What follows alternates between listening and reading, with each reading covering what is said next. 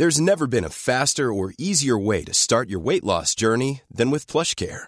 PlushCare accepts most insurance plans and gives you online access to board-certified physicians who can prescribe FDA-approved weight loss medications like Wigovi and Zepbound for those who qualify. Take charge of your health and speak with a board-certified physician about a weight loss plan that's right for you. Get started today at plushcare.com slash weight loss. That's plushcare.com slash weight loss. plushcare.com slash weight loss. Hold up. What was that? Boring. No flavor. That was as bad as those leftovers you ate all week. Kiki Palmer here, and it's time to say hello to something fresh and guilt-free. Hello Fresh. Jazz up dinner with pecan-crusted chicken or garlic butter shrimp scampi. Now that's music to my mouth. Hello Fresh. Let's get this dinner party started. Discover all the delicious possibilities at hellofresh.com. Hey, Dave. Yeah, Randy. Since we founded Bombus, we've always said our socks, underwear, and t shirts are super soft. Any new ideas? Maybe sublimely soft. Or disgustingly cozy? Wait, what? I got it. Bombus. Absurdly comfortable essentials for yourself and for those facing homelessness. Because one purchased equals one donated. Wow, did we just write an ad? Yes. Bombas. Big comfort for everyone. Go to bombas.com slash ACAST and use code ACAST for 20% off your first purchase.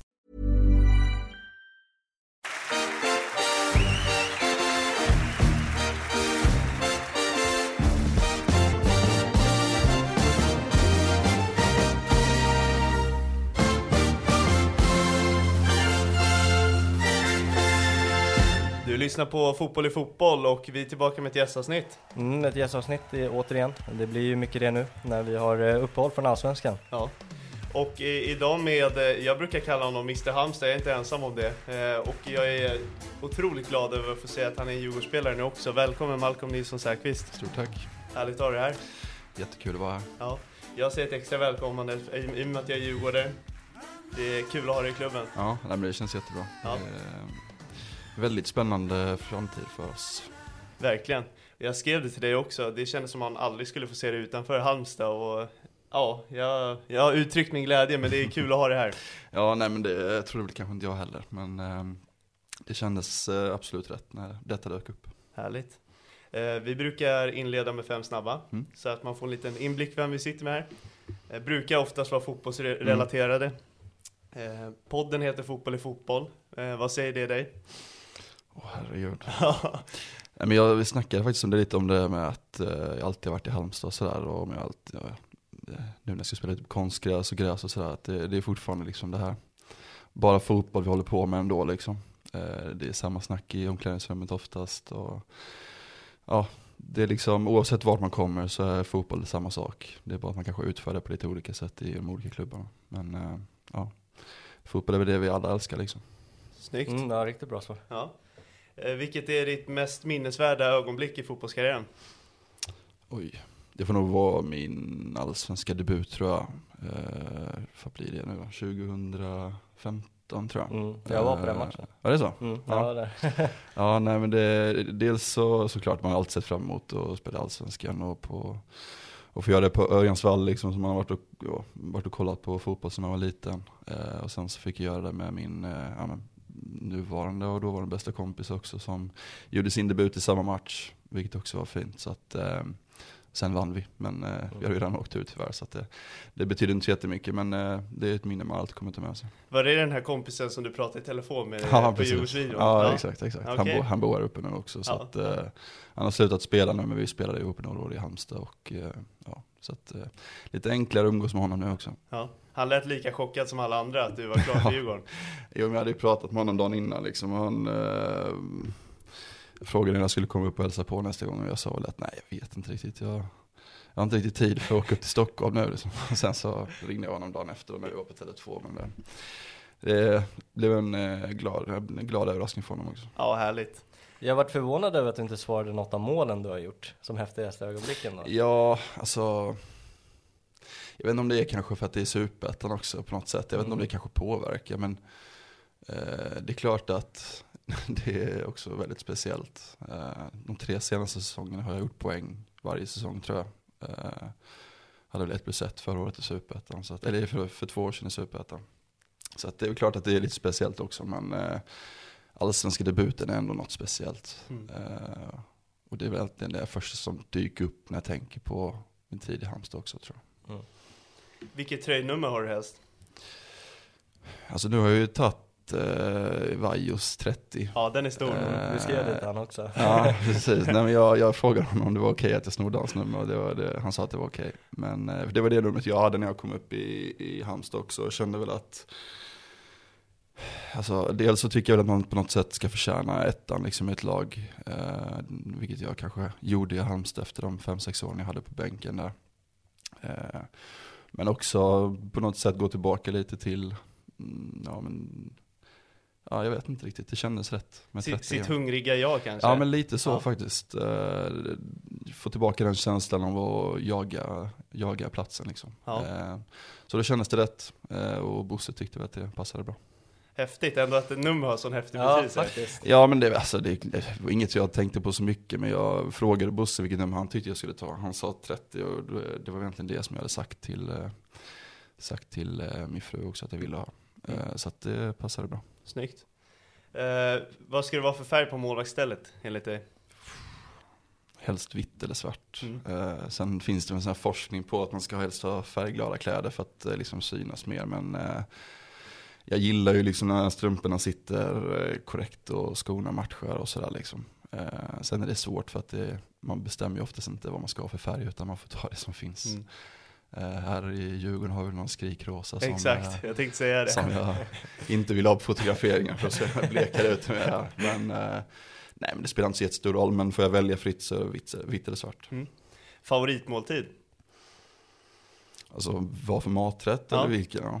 Eh, Vilken gillar, eh, har du någon eh, som du gillar att göra själv och någon som du uppskattar att käka? Ja, men vi gjorde, en- igår, min familj är uppe och hälsar på nu så att jag gjorde en, en citronpasta med parmesan och sådär som är väldigt enkel och ja, men väldigt gott. Ja. När man träffar rätt med smakerna. Ja, men eh, verkligen. Den är väldigt enkel och väldigt god. Mm. Gillar du att göra mat? Ja men det gör jag. Jag har varit vegetarian i sju år och Okej. precis börjat äta kött igen så jag håller på att ställa om lite, lite med det.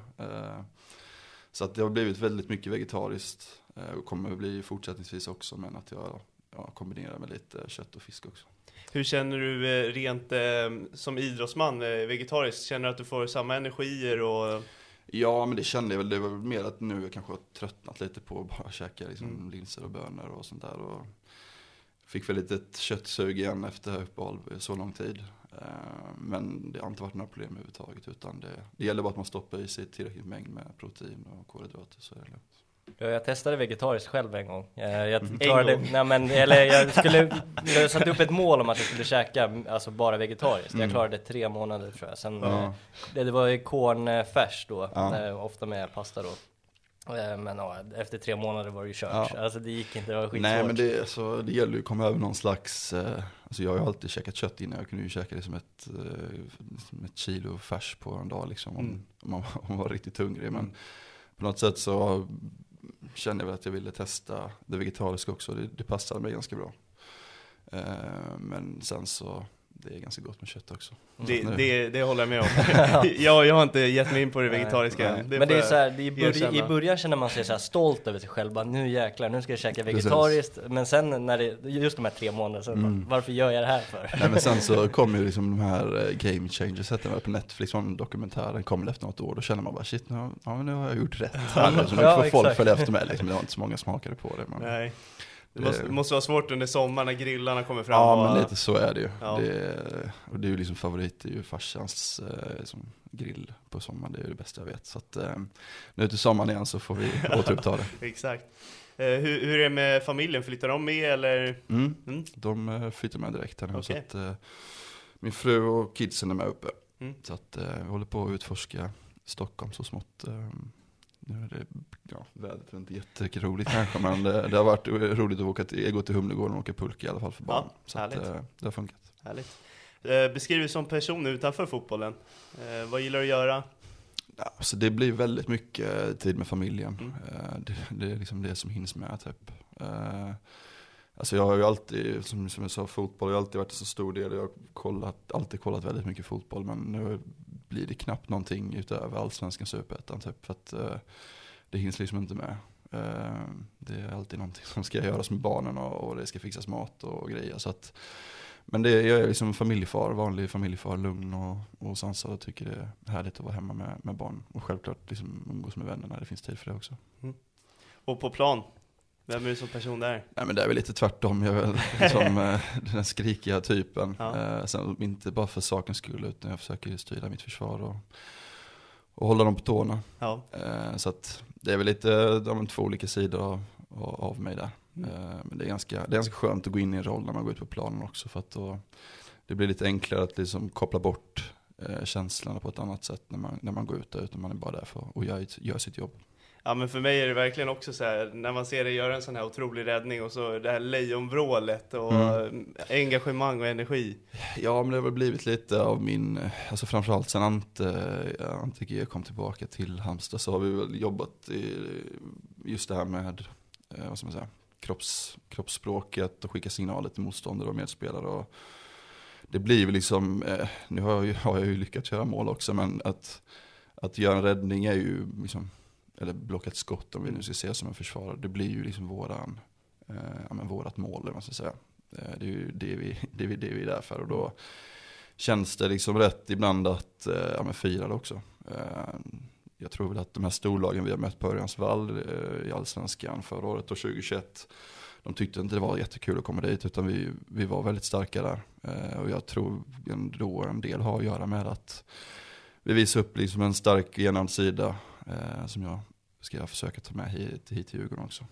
Men det där sätter ju också en mental spärr för motståndare som kommer framöver. Till Mm. exempel just mot storlagen. Sen när man har vunnit mot eh, Djurgården och AIK och så ska Hammarby komma dit. Då blir det också att det blir tungt redan innan matchen för man vet Mm. att nu är det ett block som står framför. Ja. Det är en tuff målvakt i mål liksom. Ja, det blir väldigt en skön känsla för oss också. Att vi vet att eh, det spelar ingen roll liksom, om det är Malmö eller AIK. Vi, vi, vi har varit väldigt bra på att försvara vårt mål. Eh, sen har vi inte gjort så mycket mål framåt, men vi har ändå lyckats. De här knappa segrarna, de ger väldigt mycket styrka mentalt och för självförtroendet också. Mm.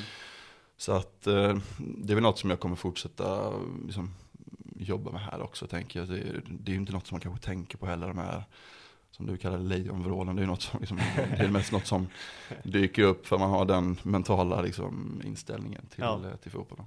Ja men förstå som anfallare också, målvakten plockar en boll nere i stolproten eller Mm. uppe i krysset och så gör han det här vrålet efter, då tänker man hur fan ska det här, Ja, hur är det möjligt att slå in en boll på den här killen? Ja, ja men det är väl, eh, man hoppas ju lite att det ska vara det. Sen jag har väl en spelstil där jag försöker, som jag sa, jag försöker liksom inte göra de här grejerna som syns mest. Utan jag försöker kanske liksom, såklart att verbalt eh, ja, men höra så mycket och styra mitt försvar.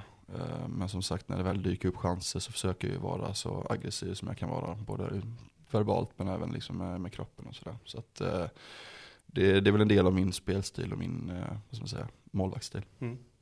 Har du alltid varit målvakt? Nej, jag var utspelare fram tills jag var, var jag, 15-16 slutade jag spela ute. Alltså jag var målvakt också, men Ah, jag, jag spelade ute också. Vi, jag spelade i en, en klubb i, i Halmstad som heter eh, BK Astrio. eh, Som ja, men egentligen alla år vi var unga var ju bäst i Halmstad. Vi spelade SM runt om i Sverige och sådär. Och hade en väldigt stark år, årgång. Eh, Bröderna Silvolt om ni har koll ja, på dem var där också. Ena spelar i Hammarby eller? Ja, precis. Ålder. Exakt, han är ju i Varberg nu. Och, och Simon har väl, har väl slutat spela. Eh, men vi är ju samma årgång Mm. eh, från Astrio. Så, så vi, vi hade ett väldigt starkt lag och i, i vårt andra lag, man ska säga, så spelade jag forward. Eh, och var väl den typen som inte sprang jättemycket utan stod längst fram och, och liksom, skifflade in bollarna. Med en bra doja? Ja. ja. Hur, hur hamnar du i mål då? Det är alltid Så- roligt att höra målvakters historia, hur man hamnar där. Ja, men alltså min pappa är ju gammal målvakt. Okej. Eh, I HBK och även uppe i några klubbar här uppe i Stockholm Jaha. också. Eh, så att på något sätt med den tränaren jag hade, Astrius så såg han väl, ja men vad fasen din farsa har ju varit keeper, du kan väl också stå för det. Vi hade liksom ingen målvakt. Så att det är väl på den vägen att jag fick ställa mig på någon liksom blåsig grusträning uppe i, eller nere i Halmstad och testa och så, ja, jag var väl inte helt oduglig liksom. Mm. Så att det, det var på det, den vägen. Vad krävs mest från en målvakt? Är, är det mentalt eh, ib- ibland att stå i mål? För det, det är så här, vissa matcher kan du få ett skott på det och kanske Mm. inte rädda den, då är hela din match förstörd. Jag skulle säga att eh, bara mentalt nästan. Såklart inte bara, men väldigt, väldigt mycket mentalt är det. Ehm, jag är nästan helt hundra på att det finns, liksom, rent tekniskt, eh, målvaktsmässigt, med fötter, med fallteknik och så här, finns det bättre målvakter i, i de lägre divisionerna än vad jag är. Men det gäller liksom att kunna eh, blockera eh, tankar eh, som dyker upp under match och att ja, vara ganska duktig på att glömma misstag och sådär. Eh, så att det är väl egentligen, och sen så handlar det ju mycket om tur och få, få chansen också såklart. Men bara just den här mentala biten, eh, har du inte den så har jag väldigt svårt att se att du klarar av att vara på den högsta nivån. Liksom. Mm. Vet du, alltså om generellt målvakter, de vi har pratat med, vi har pratat med Oliver Dovin innan. Mm. Eh, generellt så känns det som att målvakter aldrig börjar som målvakt från början utan att man börjar som utespelare, sen kommer in i mål. Vet du om det är vanligt för många att det är så? Ja men jag tror väl i alla fall de flesta som jag har stött på har ju alltid, på något sätt spelat ut också. Alltså jag har ju spelat handboll, innebandy också, så jag man har ju testat på allt möjligt. Så att jag har ju spelat mycket med Isak Pettersson till exempel, eh, som är i Elfsborg nu. Och han liksom var ute och spelade fram tills han var 17-18, typ nere i, i någon, någon bonahåla nere i, utanför Halmstad. Så att jag tror de flesta har väl testat på det i alla fall. Eh, sen jag ser det ju bara som en fördel om man har spelat ute länge också för att Dels så får du ju spelet med fötterna som har blivit väldigt viktigt men du får ju också en, en viss spelförståelse och speluppfattning på ett annat sätt som, som man kanske inte får om man bara stått längst bak eh, hela karriären. Så att eh, även fast det är länge sedan så har man någon viss känsla av det fortfarande. Men det är, det är rätt intressant, alltså 17 år och börja ställa sig i kassen. Hur, hur sent tror du man kan, alltså på riktigt börja och ställa sig i mål? Nej men det, jag tror väl att, alltså fram tills jag började på gymnasiet så hade jag ju jättesvårt att slänga mig på min högersida till exempel. Alltså mm. jag hade ingen teknik för att jag aldrig haft någon målvaktstränare som hade lärt mig. Så att det är klart att du, du kan nog lära dig, men jag tror också att då måste du kanske, ja något år tidigare kanske du ja. borde ha testat det. Men det, alltså, jag tror inte det är helt omöjligt heller. Men ja. alltså nu liksom, killar debuterar ju nu när de är 16-17 också. Ja, alltså, det är ju bara att kolla på Bergvall nu som född 06 och liksom redan ryktas till de här klubbarna och spelat i Allsvenskan. Så att på något sätt så tror jag kanske du måste ha bestämt dig något år tidigare nu än vad det var när jag kom upp. Mm. För jag har svårt att se oss ställa oss i mål, ingen av oss är bra. Jag, jag är snäppet vassare än dig. Mm. Eh. Jag har ju framförallt inte längden. Nej, nej men eh, korpenmatcherna har jag, jag vet. Ja, jo i och för sig. ja. Nej men finns det, finns det resurser som ung eh, fotbollsmålvakt att kunna träna? Du sa det här med att träna fallteknik förrän du var i gymnasiet där. Mm. Eh, tror man vill börja lite tidigare där med resurser?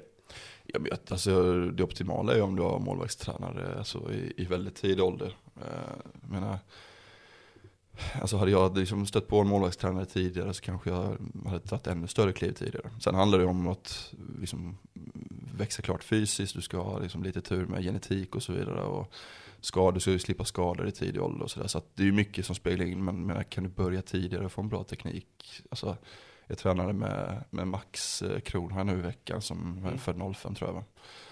Alltså, hade jag haft den tekniken liksom när jag var i den, alltså det var inte ens nära. Då hade du haft nummer ett i Djurgården. ja, Nej men, ja, men det är lite så, alltså, han, han är ju redan så långt fram tekniskt för att han har ju kört med målvaktstränare tidigare, antar jag. Ja.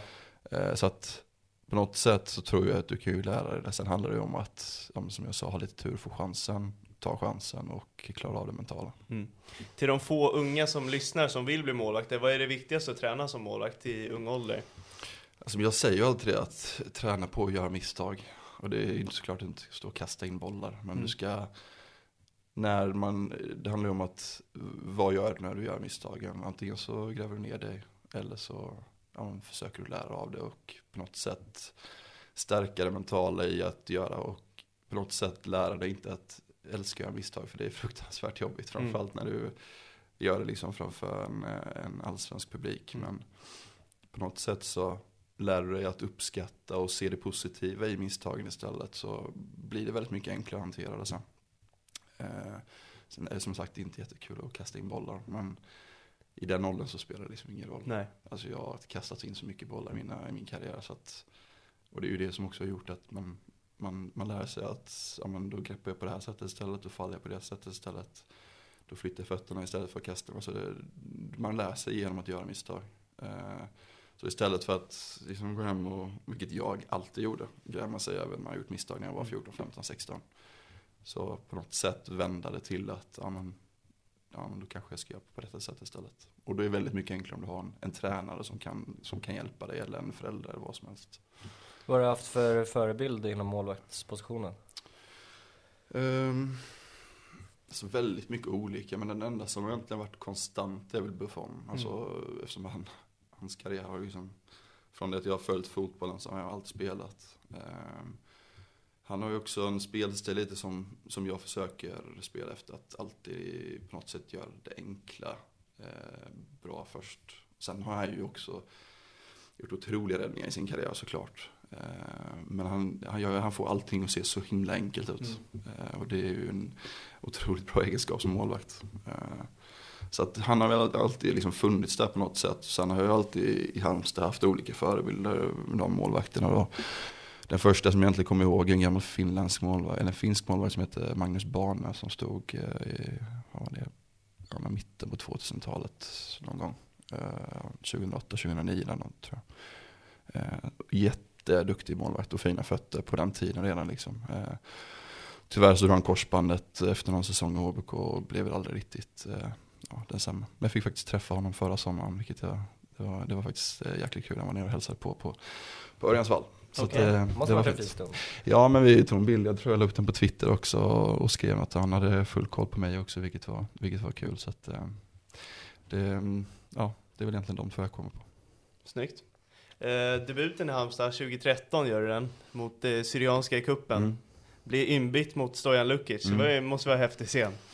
Ja, det förstår jag var inte så jättehäftigt. Han fick en armbåge, spräckte hela läppen så vi fick inte stopp på blödningen så att han fick byta. Men för Ja, mig var inte så det, häftigt för andra. nej, men för mig var det ju, var det ju såklart, eh, ja men det var ju jäkligt häftigt. Jag skulle inte ens varit med, men jag blev inringd på morgonen tror jag för att andra keepern var, blev sjuk eller sånt där. Så att vi åkte upp, det var, jag tror det var en cupmatch. Mm. Eh, ja, så att det blev men det var ganska skönt också för att det var så här bara inslängd i, jag tror det var någon gång i andra halvlek och så. Ja, det gick ganska bra. Vi- Tyvärr så torskade vi i slutet. Men eh, skönt att få göra debuten eh, bara med ett inhopp liksom sådär. Och, och få det avklarat. Mm. Mm. 61 minuten Mm, ja. Mm. Jag Snyggt. ja, men det är Ja. bra. Du har gjort dina research. Ja, det är bra. Ja. Eh, Efter det så blev du utlånad Mm. till Lunds BK. Ja. Är det en klubb i närheten? Ja, det är ju, vad ska man säga, det är en, en och en halv timmes bil från Halmstad ner i Skåne. Mm. Så att eh, division 1, oprövad. Eh, de ville väl ha våran andra målvakt egentligen som tackade nej. Och så sa våran tränare att ja, vi har en tredje målvakt som ni kan testa om ni vill. Liksom. Och det gick jäkligt bra. Eh, jag hade en jättefin höst där med jag tror de låg nedanför strecket när jag kom och sen så slutade vi väl någonstans i mitten. Typ. Så att vi hade en jättebra höst och det var ett väldigt fint lag. Alltså med många spelare som har spelat både allsvenskan och superettan efteråt. Så att många som jag har kontakt med fortfarande. Så att det, det var ju på något sätt eh, första gången jag kände att eh, jag ändå kanske har eh, en chans att ja, men spela elitfotboll. Även fast det var division 1 så kände jag där att ja, det, det kan nog bli ganska bra ändå. Mm. När de erbjöd dig lånet, eh, såg du det bara med positivt då? Att du, nu får jag äntligen spela? Ju- Du har ju Stojan Lukic framför dig så jag förstår ju Ja. att man kanske alltså, accepterar att man är två eller tre. Ja, men på något sätt så, mm, jo, men så lite så var det. Ehm, och det har jag alltid sagt till de spelarna, som jag, unga killarna som har fått de här som erbjudanden om att gå till division 1. Alltså, det är så mycket bättre att spela division 1 än att spela de här u serierna Alltså just att du får spela matcher som faktiskt betyder någonting i, i den åldern och bättre Alltså det är bättre att spela den fysiska fotbollen att gå och möta liksom, 34-åriga allsvenska spelare som tycker det är piss att spela u så, så är det ju alltid. Ja, det är så det är nu. Ja. Ja. Eh, Så att på något sätt så, jag tyckte att det var en jättebra möjlighet för mig. Eh, Och som sagt, jag hade två målvakter framför mig ändå. Så att jag, det var ganska långt ifrån att få speltid ändå i, i, i HBK. Så att det, det var en perfekt chans för mig att få spela seniorfotboll. Och säsongen därpå, eller är det två säsonger efter du blev utlånad till Öster också? Ja, precis. Vi, det var någon sån här samarbetsavtal vilket gjorde att jag fick ju spela matcher med Öster bara. Eh, Så 2015 så var jag där och spelade fem sex matcher kanske. Eh, Och sen så året efter så skulle jag ju gå dit på lån. Eller jag var ju där på lån men jag skulle dit på lån redan på våren. Men det blev strul med pappersarbetet vilket gjorde att eh, Isak Pettersson fick gå, från, eller gå på lån till Öster istället. Okej. Eftersom han var han var under, jag tror det var 2021 den här gränsen gick med samarbetsklubb. Eh, så att då fick han spela där under våren och sen så bytte vi av varandra på sommaren. Okej. Ja. Så att det, blev, det blev en väldigt speciell situation men det gjorde ju också att Isak eh, fick visa upp sig. Eh, och sen så året efter var det vi två som skulle slåss om första platsen i HBK. Det är en hyfsad målvaktsuppsättning ändå. Mm. Ja vi hade ju Stojan och jag och Isak det året. Ja. Eh, sen jag och Isak var ju väldigt oprövade då liksom så att vi, så i efterhand så var det ju en, en ganska bra trio. Ja, verkligen. Ja, vi pratade om det bara för något avsnitt sen, om de bästa målvaktsuppsättningarna som finns. Ja, Då nämnde vi ju inte den här trion. Det är ju fan bra ju. ja Jo verkligen. men på den tiden Stojan var ju ändå en eh, riktigt bra allsvensk målvakt. Eh, Ja, så att, exakt. eh, hade vi vetat om att jag och Isak kanske skulle spela så många allsvenska matcher så Mm. hade vi nog, det var ändå i superettan då för HBK också tror jag. Så att, eh, riktigt bra trio. Ja, verkligen. Eh, sen därpå så gör du den där debuten mot eh, Hammarby som vi pratade om, Mm. allsvenskt. Eh, och det var ju din, ditt stoltaste ögonblick, så det måste ju Mm. uppenbarligen vara en riktigt stor grej ändå.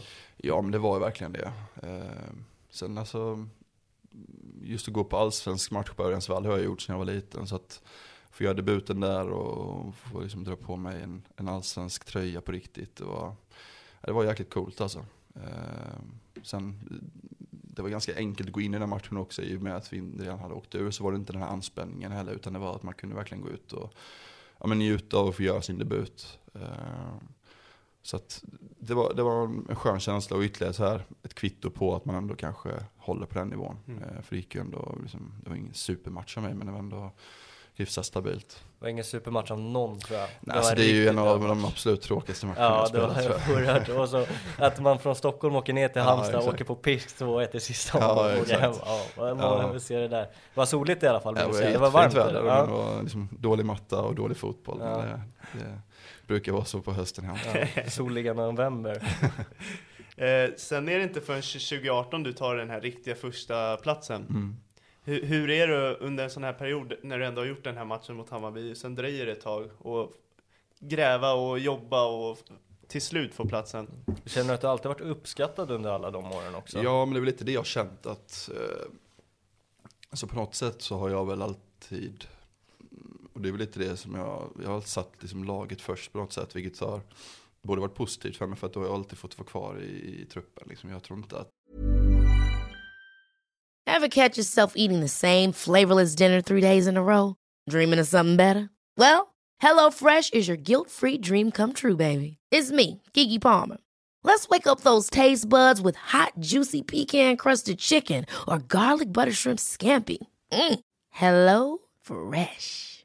Stop dreaming of all the delicious possibilities and dig in at HelloFresh.com. Let's get this dinner party started. Life is full of what ifs. Some awesome, like what if AI could fold your laundry?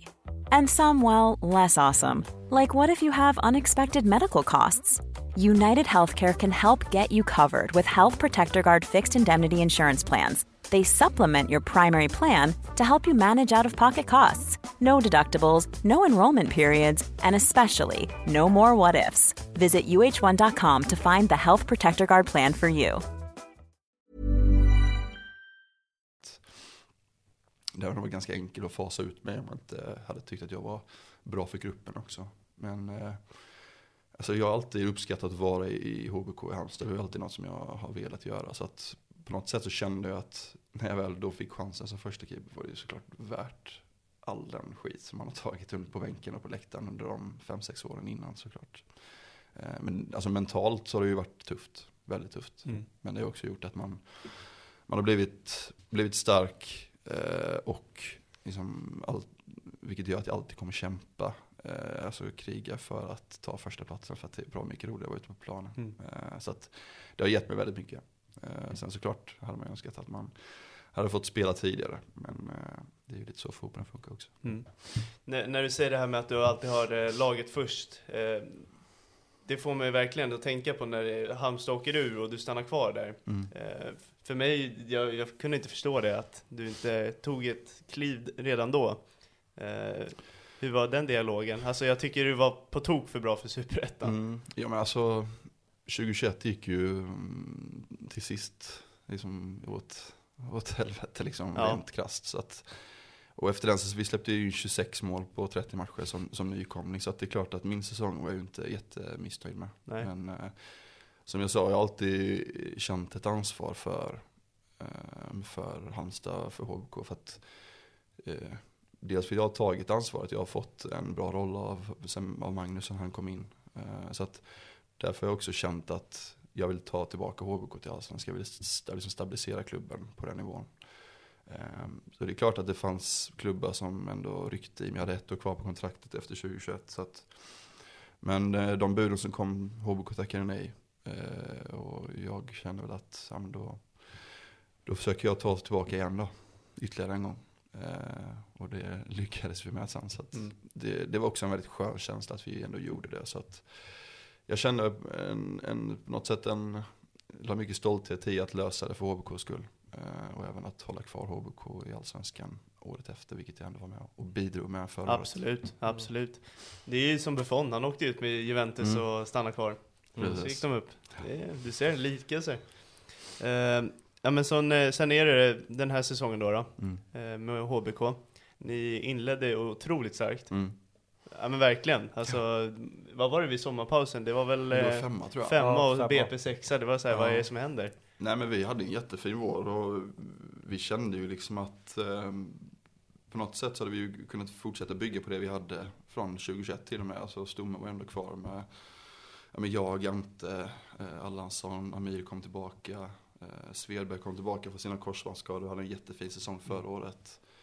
Vi plockade in Viktor Granat, eh, liksom Alexander Johansson hade en jättefin år, ett jättefint år förra året. Och, liksom Phil som eh, bara liksom, är dominerad på sin högerkant. Att- fantastiskt. Ja, Ja. och, och. Buffo är liksom fortfarande kvar också. Så att vi kände ju att vi hade ett väldigt, väldigt starkt lag fortfarande.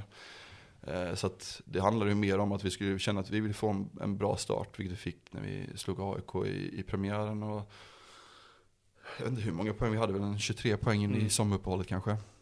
Och Vilket, 30 eh, brukar man klara sig. Ja men precis, så där kände vi att, ja, men, och där började ju folk snacka om nu ska vi ta Europaplatser och hit och dit. Men jag så, så fan, lös 30, 33 poäng först så kan vi liksom fokusera på annat sen. Var, var du supporter eller var det Ja men som jag klubben? supportar Ja. man träffar. Nej i klubben var det så här, och så Ante, Ante var ju så trött på folk. Alltså, han var så här, men alltså vi måste lugna ner supportrar. Alltså, vi, alla man träffade var så här, men nu tar vi en Europaplats hit och det. Men alltså, det snacket, börjar det snacket eh, ta sig in i gruppen så är det riktigt farligt. Ja, det kan jag Eh, tänka mig. Riktigt farligt. Så att på något sätt så, men där är ju Ante fantastisk. Han är ju alltid lugn och sansad och, och tar ju en match i taget alltid. Och en, jättefin lagkapten. Så att jag var liksom inte särskilt orolig att vi skulle på något sätt sväva iväg. Utan det, vi, jag, jag, jag var i sommaruppehållet var jag inte hundra men ganska säker på att vi skulle lösa kontraktet. Eh, sen ska det göras också. Men eh, det blev kanske inte en höst som jag hade räknat med heller. Nej precis, för det, vad var vändningspunkten, om vi börjar med klubben, vad var vändningspunkten där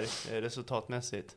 Ja, men det var ju egentligen samma match som eh, vändningspunkten för min säsong Mm. också mot Varberg hemma. Eh, så att efter det så hade vi väl tre raka förluster tror jag.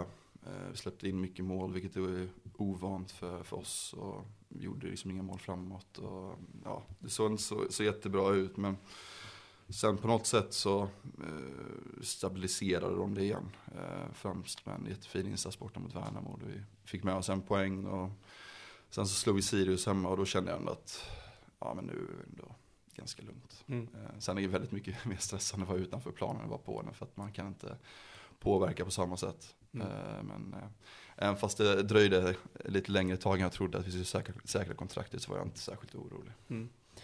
Eh, jag vet inte, du kanske är trött på att prata om det här, men eh, eh, du sa, nämnde ju att din säsong tog Mm. en vändning. Eh, för de som inte vet så kan vi väl gå igenom det lite Mm, kort. Jag, jag kan gärna eh, rekommendera folk att gå in på eh, intervjun med Marcus Birro du gjorde. Mm. Eh, fantastisk eh, intervju.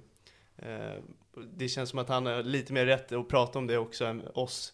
Eh, väldigt kunnig och Nej men det tycker jag inte. Alltså jag, jag har inga problem att, att prata om det överhuvudtaget. Det är mer att, jag vet inte om folk är trötta på mitt prat om det. det, men det, tycker- det tror jag verkligen Nej, inte. det- alltså, I grund och botten så handlar det väl om eh, alltså den termen som läkare, den läkare och de professionella som jag träffat så är det väl typ utbrändhet. Eller Mm.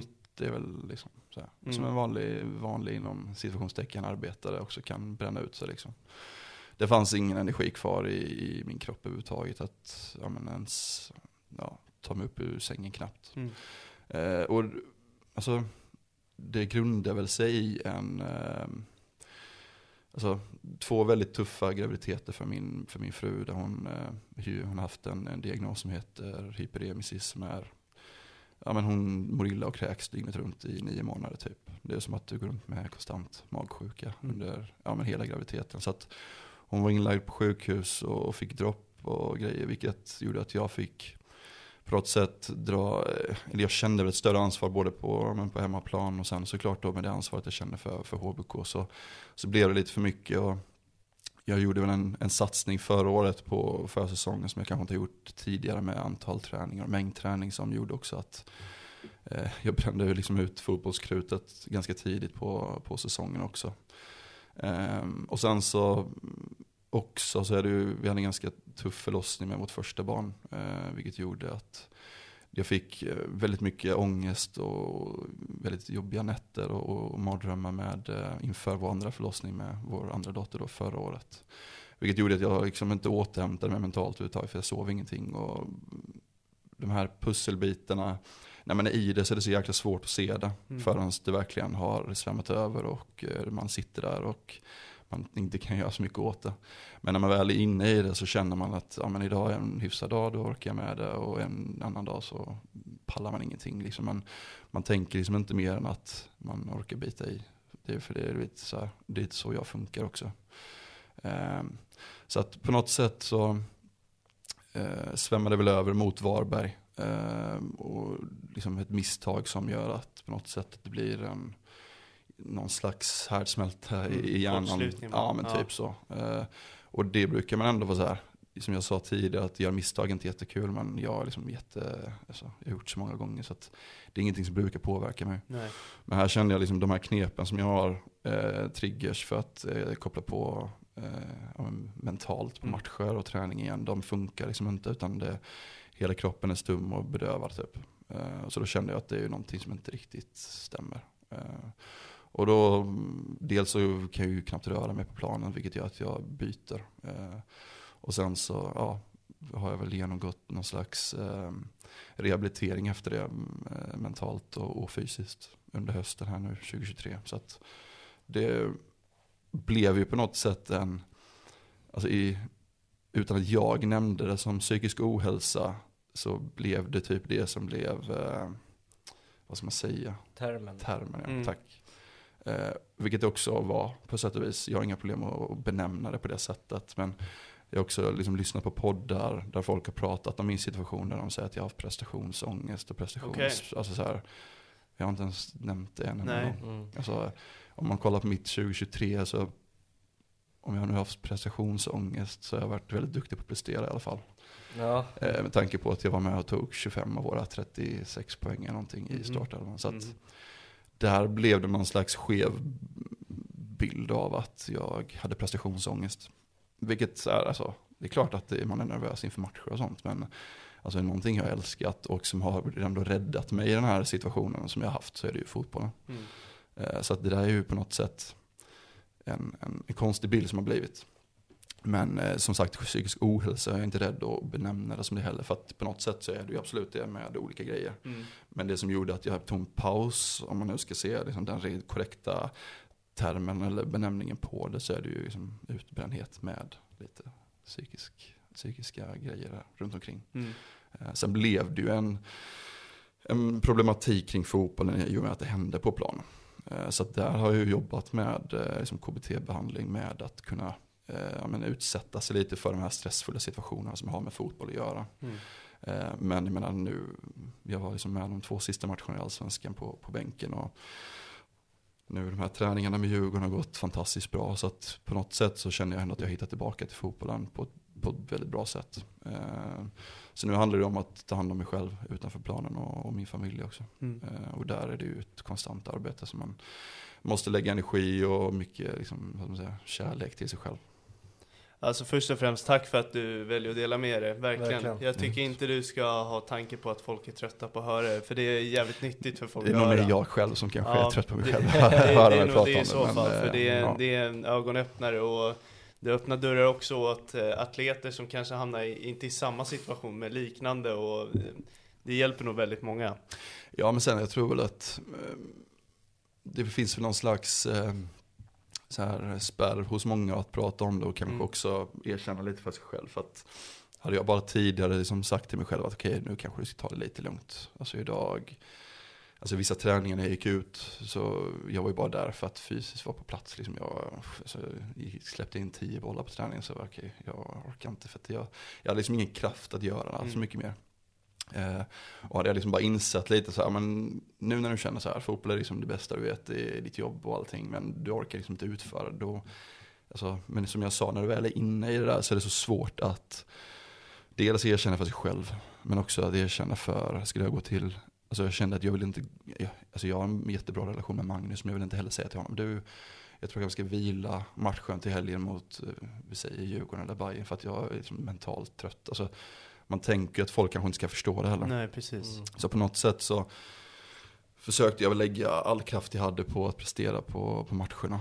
Eh, vilket jag också lyckades göra, alltså, vilket eh, var ändå skönt i den situationen, eller vad man ska säga. Ehm, men hade jag nog pausat tidigare eller på något sätt eh, fått hjälp tidigare, eller tagit hjälp tidigare ska jag säga, eh, så hade jag nog ändå kunnat hantera detta bättre. Mm. Men så i efterhand så är jag också ganska glad att det hände för att det hade också kunnat gå bra mycket värre Mm. än vad det gjorde för mig för att jag landade ändå hyfsat, hyfsat stabilt. Det var några veckor i början som var väldigt tuffa men det var nog också väldigt mycket för att jag inte kunde närvara och hjälpa laget också. Uh, från första matchen, vi mötte Malmö så var jag uppe i Stockholm här uppe och hälsade på min syrra och lite sådär. Uh, tog lite tid, alltså, då hade jag ju, fick jag den här panikkänslan igen liksom för att jag kände att jag inte kunde vara där och sen förlorade vi matcher vilket också var väldigt jobbigt. Så att det är liksom ett tips, eller vad man ska säga, vilket är väldigt svårt. Men det är liksom prata och ta hjälp. Alltså det, och det är så enkelt för mig att säga eftersom jag har gjort det. Eh, Men det blir bra mycket enklare eh, när folk vet om det. Alltså det, det är så skönt när man väl kan lätta på det. Ja men om det är någon man ska lyssna på är det väl ändå någon som har varit igenom Ja, någonting. ja, men så är det. jag har ju också, Ja. jag har ju lyssnat på folk Ja. som har pratat om det. Mm. Jag har ju, det- jag har ju inte, jag har läst psykologi, idrottspsykologi. Men jag hade inte de här kunskaperna kring kanske det privata psykologin, eller man ska säga. Jag är ganska kunnig inom fotbollspsykologin och idrott. Men eh, jag hade liksom inte mycket, jättemycket att falla tillbaka på när det kom till eh, de privata grejerna. Eh, Så att skulle jag liksom gå tillbaka och, och hjälpa mig själv på vägen så är det ju, då skulle jag ju tagit hjälp redan 2020. Mm. När, eh, ja, men, när vi höll på att liksom förlora vår dotter. Alltså det är ju en ganska dramatisk upplevelse Verkligen. att vara med om. Eh, så att det, vi, vi blev erb- erbjudna hjälp. Men på något sätt så kände jag att ah, men allting har ju gått bra. Så hon är ju frisk. Eh, Min fru som också blev jättesjuk, hon är också frisk. Mm. Ehm, vad, vad är det jag ska prata om liksom? Eh, sen kom det en pandemi också, som alla var ju tufft för alla. Men Mm. på något sätt så var man ju så jäkla ens, alltså vi var ju isolerade allihopa. Så att på något sätt så kände jag kanske att jag bearbetade det själv för att man satt så mycket med sina egna tankar. Men eh, oftast när man inte har alltså, lyft på locket och luftat det så eh, ligger det ju kvar där. Alltså det försvinner ju inte. Eh, så att även fast det har gått tre år, eller två år eller vad det nu var, eh, så liksom de här känslorna bubblade upp igen och blev mycket värre också för att eh, när det ligger och gror också så om man inte har bearbetat det på överhuvudtaget så, så ja, för mig blev det bra mycket värre i alla fall. En av mina mest minnesvärda minnen från 20, eh, 2023 Mm. inom fotbollsvärlden är ju också intervjun med Dele Alli när han eh, Mm. pratar om sin eh, psykiska ohälsa också. Och det jag är lite rädd för, alltså det är så jäkla vackert och det är så jäkla viktigt också. Mm. Det är därför det blir så minnesstarkt. Eh, Men det man är rädd för, och det vet jag att du har varit inne på mycket också, att det ska kopplas så mycket till personen, att på plan och Mm. utanför planen, Mm. att så här, den här killen är mentalt svag. Att eh, man ser det är fortfarande någonting att många får en syn av att den här killen är mentalt svag. Mm. Håll- Har du känt av det också? Eller Ja, ja, 100%. delar du den bilden? Och det, alltså, eh, jag läste på högskolan för, i Halmstad för en fyra, fem år sedan och valde liksom inriktning idrott. Vilket gjorde att det blev en del idrottspsykologi med, med böcker och forskning och sådär. Det var på något sätt där jag kanske ändå började koppla bort eh, fotbollsspelaren från, från mig själv. Sen, alltså, jag har inte haft så jättemycket problem med ångest i, tidigare, alltså innan allt detta. Utan jag har haft liksom en otrolig uppväxt med mycket kompisar och familj som alltid har mått bra. Så, så att, eh, det är väl på något sätt eh, de här sista åren som har varit väldigt tuffa för mig. Men då har jag också lyckats koppla bort. Och det är lite det jag säger också, att jag har ändå kunnat prestera samtidigt. Mm. Eh, och fotbollen har ju varit en, men, alltså, på något sätt en safe zone. Alltså för att där ute är jag, som jag sa, inledde med att säga att jag kopplar på en, en, eh, en annan person nästan. Typ. Alltså det blir ju att där går man ut och är någon annan lite. Eh, så att jag har blivit ganska duktig på att koppla bort just fotbollskillen från mig själv, eller hur man ska uttrycka det. Eh, men jag tror att generellt att fotbollsspelare är ganska dåliga på det. Så att du, det du säger stämmer nog ganska bra på mm. hur ja, men, den liksom allmänna bilden är kring det. Och det är klart att jag är ju dum nog att läsa på Twitter och Instagram när jag, ja. när jag eh, flyttar till Djurgården också. Så det är klart att detta har nått mig också. Eh, men jag har också blivit så pass eh, gammal och rutinerad att vad folk tycker och tänker på Twitter biter inte så jättemycket.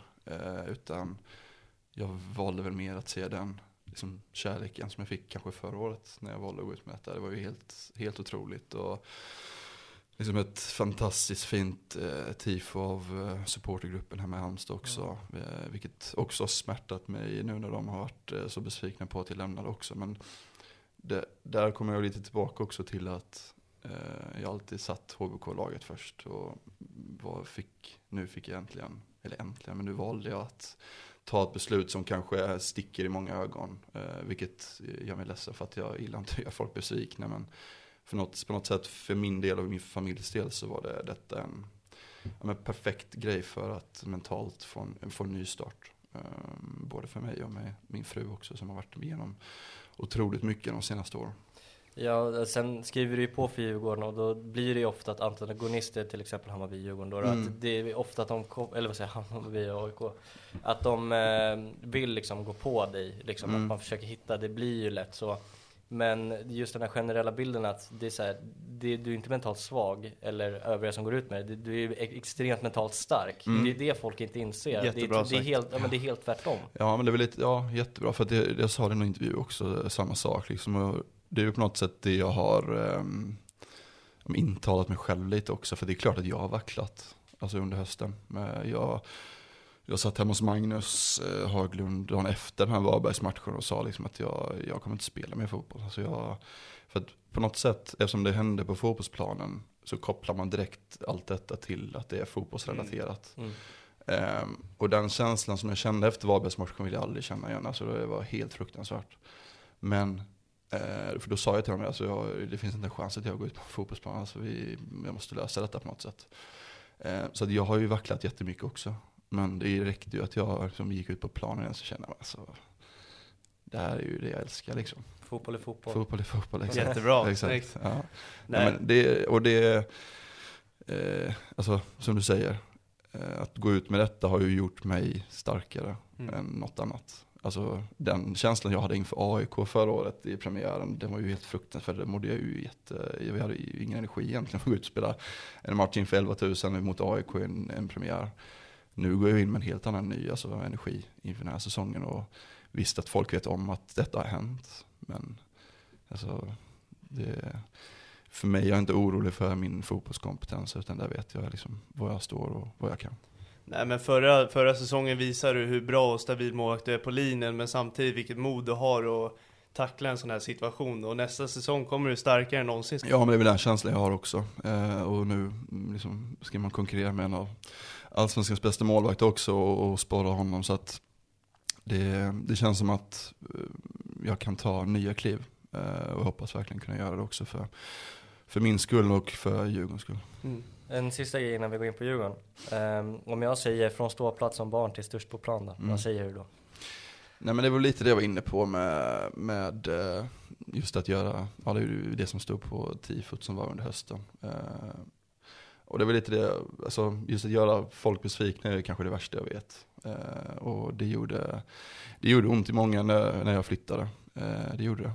Eh, och det har de sett till att jag har fått reda på. Och eh, det är så här, jag hade inte förväntat mig så mycket annat egentligen. Eh, vissa har förståelse för det, vissa har inte förståelse för det. Eh, för mig som jag sa så blev det en eh, perfekt chans för att få en ny start för mig och eh, ja, men främst min fru som jag sa som har gått igenom en jäkla massa skit de senaste åren. Och vi har alltid haft en dröm om att flytta upp till Stockholm och känner väl att detta är en perfekt möjlighet när barnen fortfarande är, liksom är är så pass små så att det är ganska enkelt att flytta på också.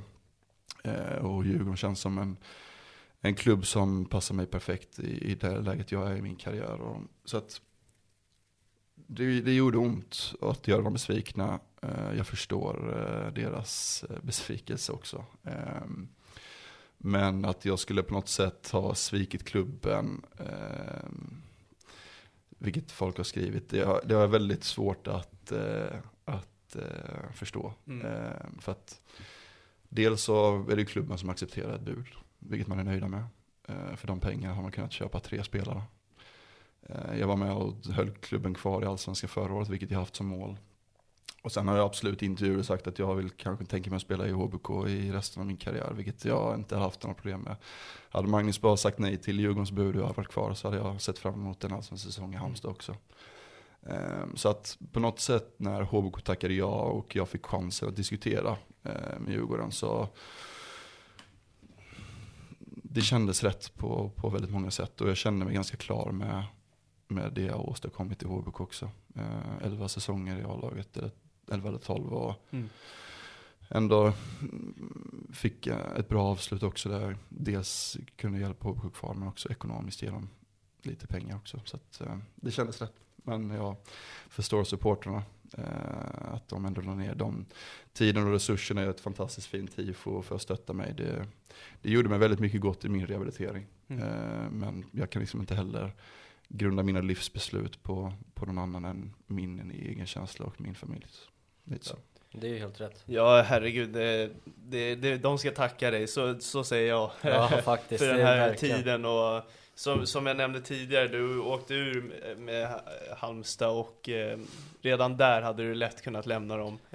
Ja men sen alltså, det är det som är så kul också att det här oftast med lojalitet brukar ju oftast gå ett håll. Eh, jag tror väl att i alla fall vid en eller två separata tillfällen så har ju HBKs ledning eller tränare försökt antingen liksom få bort mig till en annan klubb eller eh, ja, få mig att lämna eh, utan att jag har sagt ett ljud. Utan jag liksom nekat på ett snällt sätt och sagt att jag vill vara kvar. Eh, för att jag vill hjälpa HBK. Men det är också sånt som, eh, dels så kommer det inte ut oftast. Eh, men en själv när man ligger och tänker och man får den liksom, stormen mot sig och man själv känner att man har bitit ihop och visat sin lojalitet under alla år. ja, det var det liksom. Jag, som jag sa, jag hade inte förväntat mig att man skulle få stående ovationer direkt. Men det, det, det gjorde ont i mig och jag förstår att det gjorde ont i, i många andra också. Ja men eh, vi kliver över till eh, nya destinationer. Mm. Varför blev det Djurgården?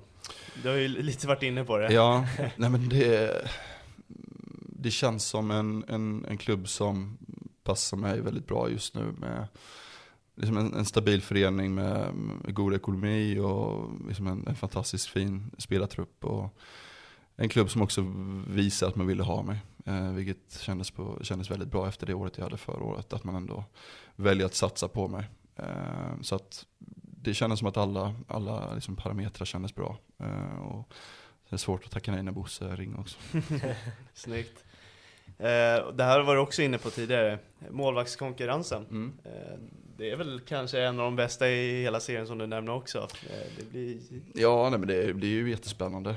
Eh, jag och Jakob har haft kontakt lite, alltså dels när vi har spelat mot varandra men också eh, lite på så här, målvaktsstöttning eh, liksom stöttning på sociala medier genom åren. Så att, jag tror 2021 så sa jag väl att han var den mest spännande målvakten i Allsvenskan. Eller en av de bästa till och med. Så att jag var tidig på den bollen. Mm. Men eh, Nej men det är klart att det, det är ju en jättetuff eh, konkurrenssituation. Men jag ser väl som, från min sida i alla fall, att jag bara utvecklas av det. Mm. Jag har liksom inga problem med konkurrens. Och sen är det upp till tränarna att bestämma vem det är som står. Mm. Eh, Men det är klart att det finns en anledning att Jakob är nere på Cypern nu också. Det är en väldigt duktig målvakt. Kände du någon i truppen sen innan? Utöver Nej, egentligen inte. Alltså jag har haft lite kontakt med eh, Carlos sen tidigare också. Eh, men egentligen alltså bara på sociala medier och sådär. Så att jag, det brukar alltid vara någon i alla klubbar som man har spelat med eller i alla fall eh, på något sätt känner. Men Djurgården är inte eh, någon egentligen. Om du fick eh, plocka med dig en spelare från Halmstad Theo, vem hade det varit? Så att, du, Oj. så att du kände någon. Är det Johansson? Ja, jag tänkte säga Ante Johansson. Rent, rent spelarmässigt eh, så är det väl han såklart. Alltså, mm, men det, det är också för att vi, vi har ju så bra samarbete, jag och Ante. Vi känner ju varandra utan och innan. Eh, Men vi har, vi har ganska bra mittbackar i, här i Djurgården också. Så att, jag vet inte, alltså jättesvårt. Jag, jag har ju umgåtts en del med Joel Allansson privat och William Dahlström. Så att får med någon av dem upp hit så, så vi kan umgås med familjen här fortsättningsvis. Då har, vi, då har vi en bra fot på fastare med Allansson. Ja, men exakt. Ja, men. Det är två bra spelare så det, det hade, hade passat bra också. Mm. Eh, har du satt upp några personliga målsättningar? Eh, Jobbar du med sånt? Ja, men till och från egentligen. Alltså, jag hade väl så längre mål med HBK var ju till exempel att ja, stabilisera klubben på allsvenskan. Och, Eh, jag har väl inte riktigt eh, satt mig ner och gjort det ännu. Jag vill, jag vill liksom känna in lite först hur det känns eh, rent konkurrensmässigt innan jag skulle man vara liksom mil bakom Jakob så är det svårt att ska man sitta och säga att man ska spela 30 matcher. Men nej, vi får se lite. Jag, jag är här för att jag vill spela eh, så mycket. Jag skulle aldrig liksom flytta upp hit ut, alltså, liksom med tanke på att jag vill sitta på bänken. Eh, utan jag, jag vill spela så mycket som möjligt. Så mm, det är väl den inställningen i alla fall. En poäng per säsong. Ja, precis. Den skulle du sätta upp. Ja, men det har jag ändå snittat mer än de sista tre. Så Ja, att, eh, mm, Ja, exakt. jo. det- Två då. Ja, precis. Min nästa fråga har ni lite varit inne på. Ehm, Du var inne på det här med Twitter, eh, och då skrev jag alltså skillnaden på psykisk ohälsa och att känna press på fotbollsplan. Eh, Jag såg många som drog kopplingarna kring värvningen Mm. och tycker att det är eh, för jävligt faktiskt. Eh, För om det är något man kan vara säker på är det hur du har presterat på plan. Mm. Hur känner du själv när du, du sa ju att du har läst det här? På något sätt så förstår jag ju liksom att har man liksom inte kunskapen heller om man ser att men rubriker står han lider av psykisk ohälsa och sen så ska man gå ut och spela på Tele2 inför eh, den typen av liksom tryck och, och supporterskap eh, som är fantastiskt på alla sätt och vis men det är också krävande. Eh, men alltså för mig är det liksom två helt olika saker. Eh, Mm. liksom fotbollen som jag sa för mig har ju varit en, en, en ganska säker plats att vara på. Och prestera är det ju kanske det enda jag har lyckats göra liksom det senaste året. Så att, ehm, det är ju klart att det kommer bli, eh, bli nytt eh, med, med den sortens eh, kravställande. Och jag menar, I Halmstad så var det ju mer den här känslan av att man skulle eh, ja, hålla sig kvar. Här är ju liksom, vi ska ju ha ambitionen att, att slåss upp, högst upp i toppen. Så det blir ju en, en omställning såklart. Eh, men alltså för mig så är jag inte särskilt orolig rent mentalt. Utan jag, som jag sa, jag är på en, en väldigt bra plats idag. Eh, och jag hade ju kunnat eh, liksom inte snacka om detta och liksom bara gömma mig förra Ja, året precis. också. Eh, för att sen på något sätt kanske komma tillbaka. Men alltså, det vill jag inte heller göra. För att eh, det tror jag inte hade gynnat någon. Eh, och på något sätt så tror jag att eh, liksom Bosse hade ju inte heller vetat att jag skulle fortsätta spela men inte hade pratat om det heller. Så att, nej, jag vet inte. Det, jag förstår ju att det pratas om det och jag förstår att motståndare liksom gillar att ta upp det. Mm. Eh, men jag liksom, dagar när man sitter och läser Twitter och det dyker upp någonting så är det klart att man antingen så tar man bara bort det och liksom läser inte eller så skrattar man åt det. Jag hoppas att du läste min, för jag, jag var otroligt glad. Ja, ja men alltså grejen är att jag har fått, eh, och det gäller från HBKs och Djurgårds eh, support, jag har fått, och fan, liksom fotbollssverige året också, jag har fått Mm. väldigt mycket kärlek. Så att det finns alltid folk som eh, eh, tycker det är kul att inte liksom, ha så god stämning på sociala medier. Oftast så har de antingen stängda konton eller eh, en, liksom, huva eller luva på sig. Eller en annan bild. Precis. Eh, Så att många, många av dem som har skrivit negativt har man liksom försökt kommunicera med men de vill oftast inte träffas i, i, liksom i person. Mm. Du sa att eh, fotboll kan vara, användas som ett hjälpmedel. Eh, det känns som att en av de enklaste intervjuerna kanske då var den här med Per Hansson. Mm. Den tyckte jag kändes på riktigt genuin och väldigt vacker. Mm. För ni var i ett element ni båda är trygga i. Ja, och, precis. Ja, men han, eh, alltså jag och Per har ju haft lite kontakt genom åren också. För jag, jag kommer inte ihåg när detta var egentligen, men jag tror det väl var innan han började på Discovery så frågade mig om vi kunde ta en lunch typ, eller ett samtal liksom. Så att han, han har ju också varit lite stöttepelare. Eh, och vi har ju ändå mött varandra någon gång också. Så, där. så att det, det kändes som att det var, för det var ju nytt för honom också. Det var hans första liksom, så här, intervju på riktigt, eller tror jag i alla fall, som han gjorde ett reportage. Eh, så att, eh, men jag tycker faktiskt att det blev väldigt bra. Eh, och han fick väl pris tror jag på Discovery-skala som bästa reportage under Jaha. året. Så att han var, han var nöjd och tacksam också. Mm, det Ja. förtjänar, alltså alla element i hela det avsnittet var ju jättevackert. Alltså Ja, nej, dels men att det- ni är gamla Ja, målvaktskonkurrenter, exakt. alltså rivaler. Ehm, att ni står liksom, man känner av kärleken mellan Mm. två målvakter och att ni spelar fotboll i Mm. den och att ni pratade ut om det. Alltså allt var så här: wow. Ja, ja men han, eh, han kom med det, den idén, jag kommer inte vet inte vad det var hans idé, men att vi skulle träna ihop. Och det kändes liksom som en ganska, eh, ja, såklart trygg miljö att vara i också. Eh, så att det, det blev ett väldigt bra samtal och, och tror ändå att eh, det gjorde väldigt mycket för mig också. Just den feedback jag fick på det också efter på sociala medier också. Ja, men precis, jag också kände att det kändes som att den hjälpte dig lite också. Mm, absolut. Vad, vad har du fått för första tankar nu i Djurgården med träningarna? Alltså det är ju otroligt bra kvalitet rent eh, individuellt på, på spelarna får man ju säga. Uh, Mange drog någon slice-passning häromdagen på pannan på Felix och den bara satt i bortre på huvudet. Det var här, okej, det är kanske någon nivå, nivå upp liksom jag varit, varit med om tidigare. Så att, men eh, det är lite det jag menar också, att det, det kommer hjälpa mig också att utvecklas. Eh, så att eh, det har gått väldigt bra för mig också på träningen i veckan. Så att det känns som att jag har kommit in i det bra. Men jag har otrolig träningsverk på olika ställen jag inte haft tidigare. För det är nya fysövningar och sådär som inte jag har gjort tidigare. Så att, det känns som att man har kommit igång bra i alla fall. Ja, härligt. Eh, då är det bara lyssna frågor kvar. Mm. Snyggt. Eh, hur är stämningen på Kaknäs? Är det vårkänslor där? Det var så jäkla kallt hittills men... eh, Jag nej. tänkte på det när vi fick den frågan. Nej men det det-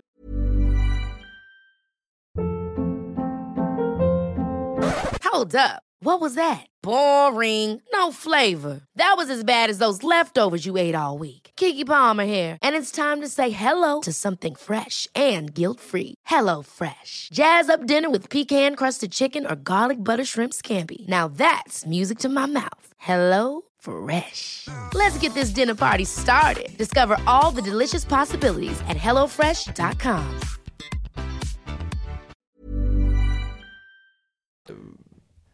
verkar vara att, alltså nu har jag varit där, vad tre dagar, fyra dagar.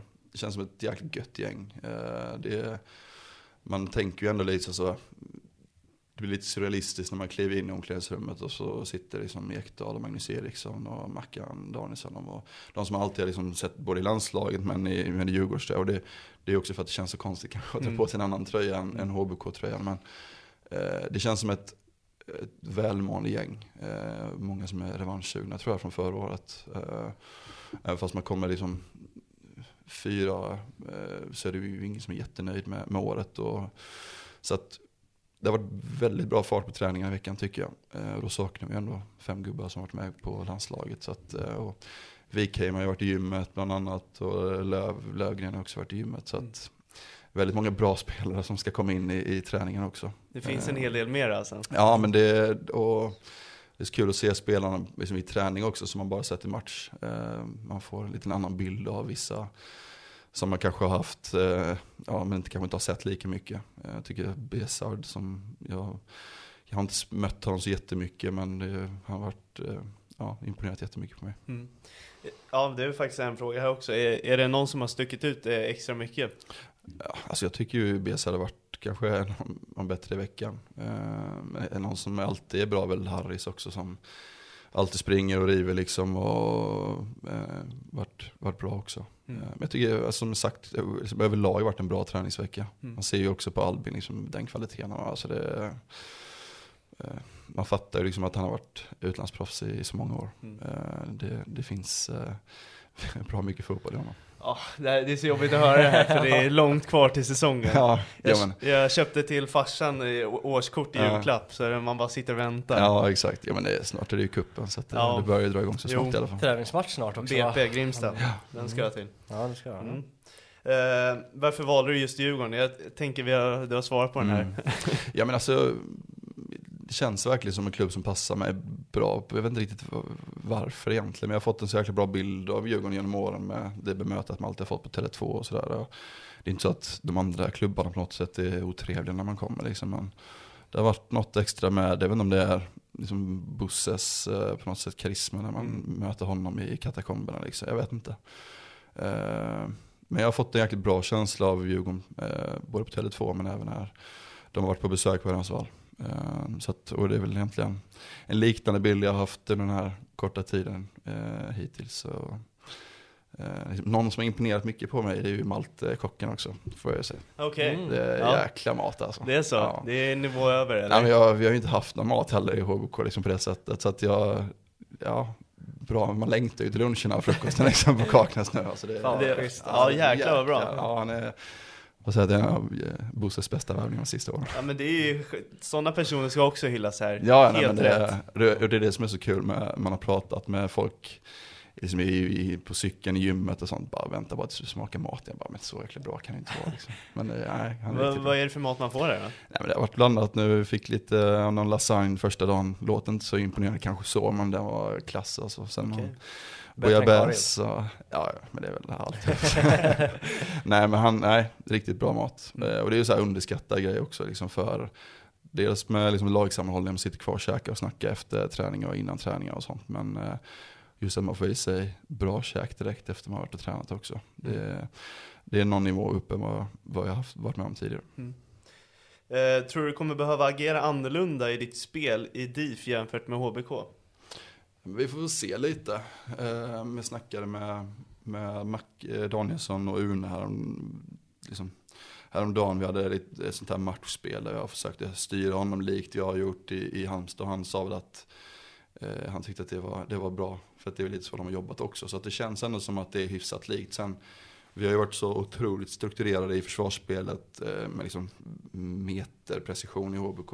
Eh, här känns det lite mer att du, lite mer offensivt spel såklart. Eh, och, så att det kommer väl ta lite tid att komma in i också just med liksom hur försvararna ska, hur jag ska styra dem och sådär. Men det, det får ta, det får ju, liksom, vi har en ganska lång försäsong på oss och liksom lära känna varandra också. Så att, men jag tror väl ändå att jag har en spelstil som ändå är ganska lätt att anpassa också. Ehm, så att jag ser inte som att det ska vara någon, eh, någon fara på det sättet. Utan det är som jag sa, det är ganska bra försvarsspelare här också. Varför blev det Malcolm med ett K? alltså, jag fick ju den frågan också över någon podd förra året. Eh, Då drog jag någon story om att de hade läst en tidning om att Harrison Ford hade döpt sin son till Malcolm med C. Men de skulle försvenska det till med och tog ett K, typ. Och jag vet inte ens om det stämmer. Jag, jag frågade morsan, men hon, ja, jag, vet inte. jag tror det är så. Ja. Eh, Det känns som att CK hade varit ännu mer då. Ja, nej men jag vet inte. Det, det, Jag förespråkar K, jag heter Lukas med K. Så Ja, då så. ja. Nej men jag, jag vet faktiskt inte, men jag, det är väl inte jättemånga som heter med K i Sverige heller, så att det blev väl Nej, det jätteunikt. Mm. Men vadå, så att Harrison Fords son heter Malcolm Med C. med C? Ja. Så Och de bara, nu kan vi det var ett fint namn. För jag tror jag skulle heta Malte från början. Mm. Men så såg de det i någon tidning, typ, ja men det var ju ett fint namn. Men då för svenska, eller om det var någon gammal släkting typ som hette mig, ja, jag vet inte, det är så jävla rörigt alltså. Men eh, jag tror det kommer från Harrison Ford i alla fall. Okej. Ja, snyggt. Vet du om att du är en allsvenskan fantasy-legend? Ja, Ja det gör alltså, det? jo men, alltså det var svårt, att, svårt att undvika, ja, det var svårt att undvika 2021. Alltså till slut, alltså gick man ju själv in och kollade efter matcherna vilka poäng man hade tagit liksom. Men det mest också för den perioden så spelade jag ju fantasy Premier League själv också, så jag var inne i den eh, fantasy-svängen.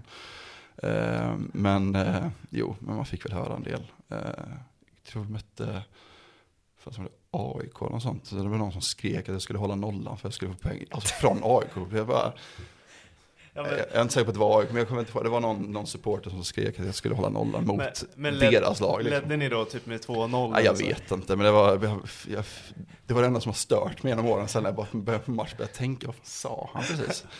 Men, eh, jo men det var väl, och jag tog väl bra många poäng det året också. Jag fick ju en assistpoäng mot Göteborg hemma, kommer jag ihåg. Ja.